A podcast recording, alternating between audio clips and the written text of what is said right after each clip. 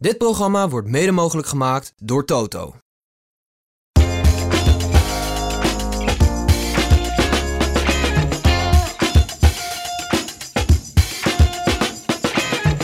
Olympisch kampioen mountainbiken, wereldkampioen veldrijden en nu ook toerritwinnaar. En niet zomaar een toeretappe op 14 juillet, solo winnen op Alpe d'Huez.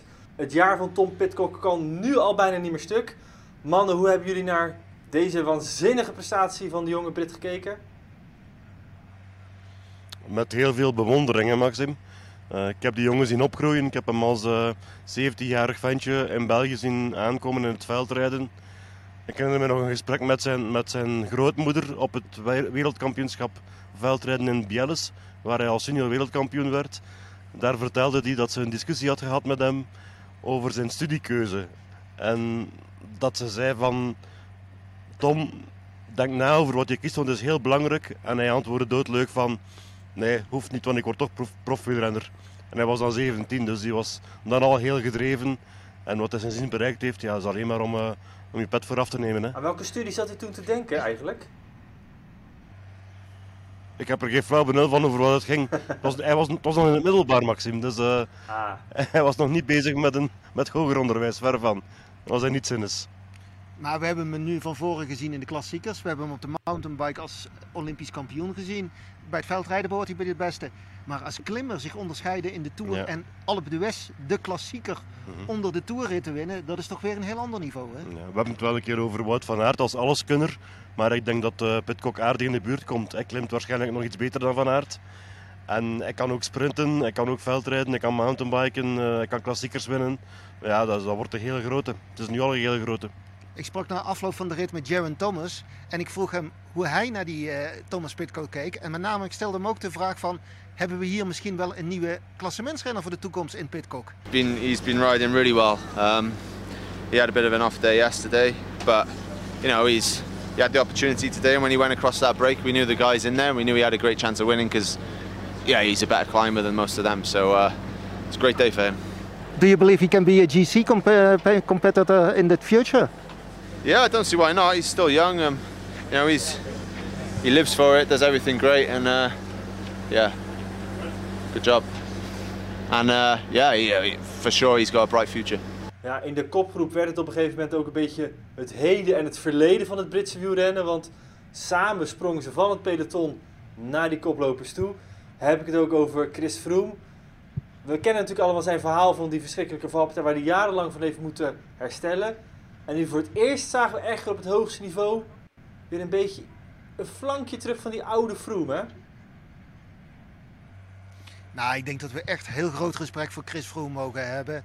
Hij kwam echt van heel diep. Hij heeft echt moeten leren lopen. Hij heeft maanden uh, tot hij eigenlijk helemaal niks kon. En van, in een zwembad uh, hebben ze hem stapje voor stapje weer moeten leren lopen. Vervolgens het fietsen, dat heeft heel lang geduurd. Die revalidatie was echt ongekend zwaar. Ja, persoonlijk heb ik me echt zwaar geïrriteerd aan alle mensen die zware kritiek op hem hadden. Die zeiden van, ja, hij rijdt alleen nog maar voor de miljoenen salaris wat hij krijgt bij Israël. En hij is alleen nog maar geld aan het pakken en hij maakt het niet waar. Nee, ik heb hem hierover nog in de afgelopen Dauphiné heel even gesproken. En hij zegt van, ja, dit was niet de manier voor mij om afscheid te nemen. Ik wil gewoon toch nog van voor mij van voren tonen en me laten zien. Nou, vandaag eindigt hij derde op Alpe d'Huez. Heeft hij tot en met het uh, einde eigenlijk gestreden om de ritzegen. Ja, ik vind het echt heel knap als je als viervoudig toerwinnaar dit weer opbrengt. Om in ieder geval voor je eigen eer en geweten na die revalidatie er alles aan gedaan te hebben om weer bij de top te komen. Ik denk dat dit, die derde plek, voor hem al een hele mooie beloning is. Alleen, het is voor iedereen heel duidelijk, de oude Chris Froome, die gaan we nooit meer terugzien. And the progression I've made and uh, something to make it a little bit more special for me today. I've, I've got my family here at the finish, uh, my wife, my six-year-old son and my three-year-old daughter. So it's it's special to, to have them here today and uh, to, have, to have had the chance to be in the breakaway as well today. So thank you, thank you, to, thank you to my team for believing in me, giving me the chance as well, and uh, I hope to be able to repay them. Okay, Chris, must have felt. must have felt really good up there at the, at the pointy end. Yeah, yeah, I mean, uh, absolutely no regrets today. I left everything out on the road. I, I, I didn't have any more to give. Uh, Tom Pitcock and Louis Menkes were simply the stronger stronger guys in the breakaway today, and uh, chapeau to them. And uh, thank you to my teammates for for supporting me. Thank you to my team for believing in me and giving me this chance. Um, I've come a long way in the last three years since since my big crash, and I think today is just another another notch, uh, I guess, on, on that progression back to back to my old form. Raymond was trouwens zijn negende top 3 plaats op een aankomst bergop met zijn carrière. Zegt ook wel iets. Maar denk je echt niet dat hij nog een kleine ronde kan winnen op termijn? Als hij er blijft voor knokken zoals hij bezig is? Hij kan misschien nog een paar stapjes zetten, maar zijn leeftijd begint nu natuurlijk ook in zijn nadeel te werken. En ja, hij komt van heel ver en dit is, hij heeft dit jaar wel een behoorlijke stap gezet. Hè? Laten we dat e- e- eerlijk zijn. Maar hij moet toch nog twee, drie stappen zetten. En Ja, jij, wil, jij wil nog altijd, hè? Ja, ik, ik, ik heb er heel veel respect voor en ik bewonder hem daarin. Dan naar de strijd om het klassement. De eerste dag van Jumbo-Visma in de gele trui. En een beetje wat we eigenlijk al voorspelden. Hè? Vooral rust en controle. En weinig gekkigheid vanuit Jumbo-Visma eh, was te verwachten. En dat is natuurlijk ook iets wat gebeurde. Ja, ik, ik denk dat ze een perfecte rit hebben gereden. Eh, echt een super controle hebben gehad over de rit. Eh Sepp Koes als de laatste man die echt heel lang meeging. Toch eh, Tadej Pogacar die twee keer heeft aangevallen in de, de, laatste kilometers van de Alpe d'Huez. Maar we zagen dat Vingegaard meteen in zijn wiel zat. Ja, ik heb, eigenlijk zat ik een beetje naar de rit te kijken van... Zou Pogacar wel hersteld zijn van die klap die hij eh, een dag eerder op de Granon heeft opgelopen? Ja, dat viel eigenlijk best wel mee, hè? Ja, ik denk het wel, maar ze zijn gewoon elkaar waard als pure klimmers dan, denk ik. Ik denk niet dat eh Pogacar de kloof gaat dichten als het op het pure klimwerk aankomt. Ik denk dat ze elkaar daar waard zijn, dat Vingegaard echt wel Pogacar kan bekampen. Ik denk dat het op een andere manier gaat moeten gebeuren. Nou, ik vond vandaag waren er behoorlijk wat speculaties eh, in de Tour peloton van... Ja, wat is nou gisteren daadwerkelijk met hem gebeurd in die rit op de Granon? Ja, en toch steeds meer mensen wijzen naar een hongerklop, eh, wijzen naar een suikertekort. Dat zou ook logisch te verklaren zijn, want als je eigenlijk gaat kijken naar wie als eerste boven op de Galibier eh, de top passeerde... Ja, dat is eigenlijk letterlijk de uitslag die je ook op de Granon later ziet. Behalve Pogacar. Hij is de enige die instort. Dus wat dat betreft is de kans best wel groot dat hij toch iets te weinig gegeten heeft, iets te weinig suikers heeft gehad en dat dat die inzinking verklaart. Ja, en als dat het is, ja, dan gaan we de oude Pogacar toch weer terugzien. En ik vond eigenlijk vandaag weer twee keer toch Vingegaard durven aan te vallen. We hebben vandaag weer een schim van hem gezien. Ja, en het is een Dat vechter. wel Het, natuurlijk. Hè. het is een vechter, hè. Het is echt een geboren winnaar.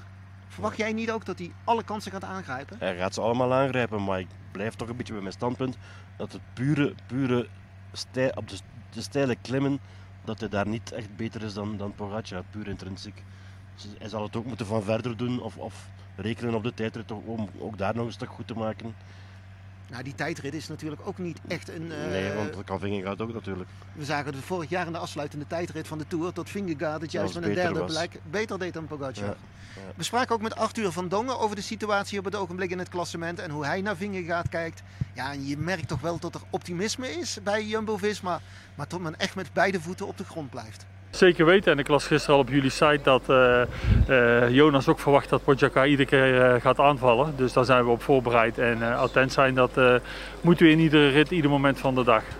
Is dit dan wel weer een dag die, als je de hele ploeg ziet rijden, die jullie enorm veel zelfvertrouwen geeft? Ja, inderdaad. De ploeg heeft vanaf kilometer nul eh, controle gepakt.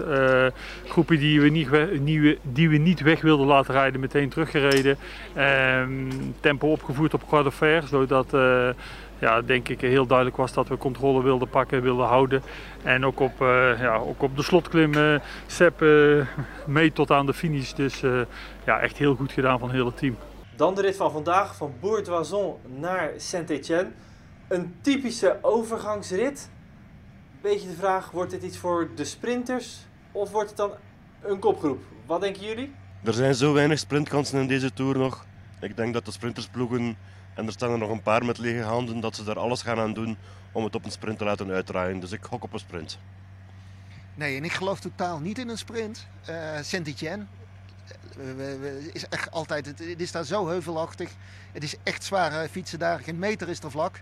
Ik herinner me nog een fantastische zege van Thomas de Gent na een eh, lange solo in Saint-Étienne. Ook een dag voor de aanvallers. Ik denk morgen opnieuw dat de aanvallers de vrijheid gaan krijgen. En eh, vandaag de 14 juillet, ja, die kans hebben de Fransen gemist. Dat is een Engelse feestdag geworden. Dus laat de Fransen revanche nemen. En ik denk dat Pierre Latour, die we toch al goed ook in eh, een paar andere ritten zagen, dat die mee zal sluipen in de, de vroege ontsnapping. En ik zie een kantje voor Jasper Philipsen. Goed. Die goed, die, die goed eh, de heuvels verteert. Ik denk dat hij overleeft en meest sprint. Ja, drie bergjes eh, op het programma. Twee van derde, één van tweede. Het wordt kantje boord. Ik ga dan toch met Nico mee voor de sprint. Eh, dan eh, ga ik voor eh, Fabio Jacobsen. Dus een tweede voor hem in de Tour. Goed, dit was de Wielerflits Update voor vandaag. Dank voor het kijken, dank voor het luisteren. We zijn er natuurlijk morgen weer.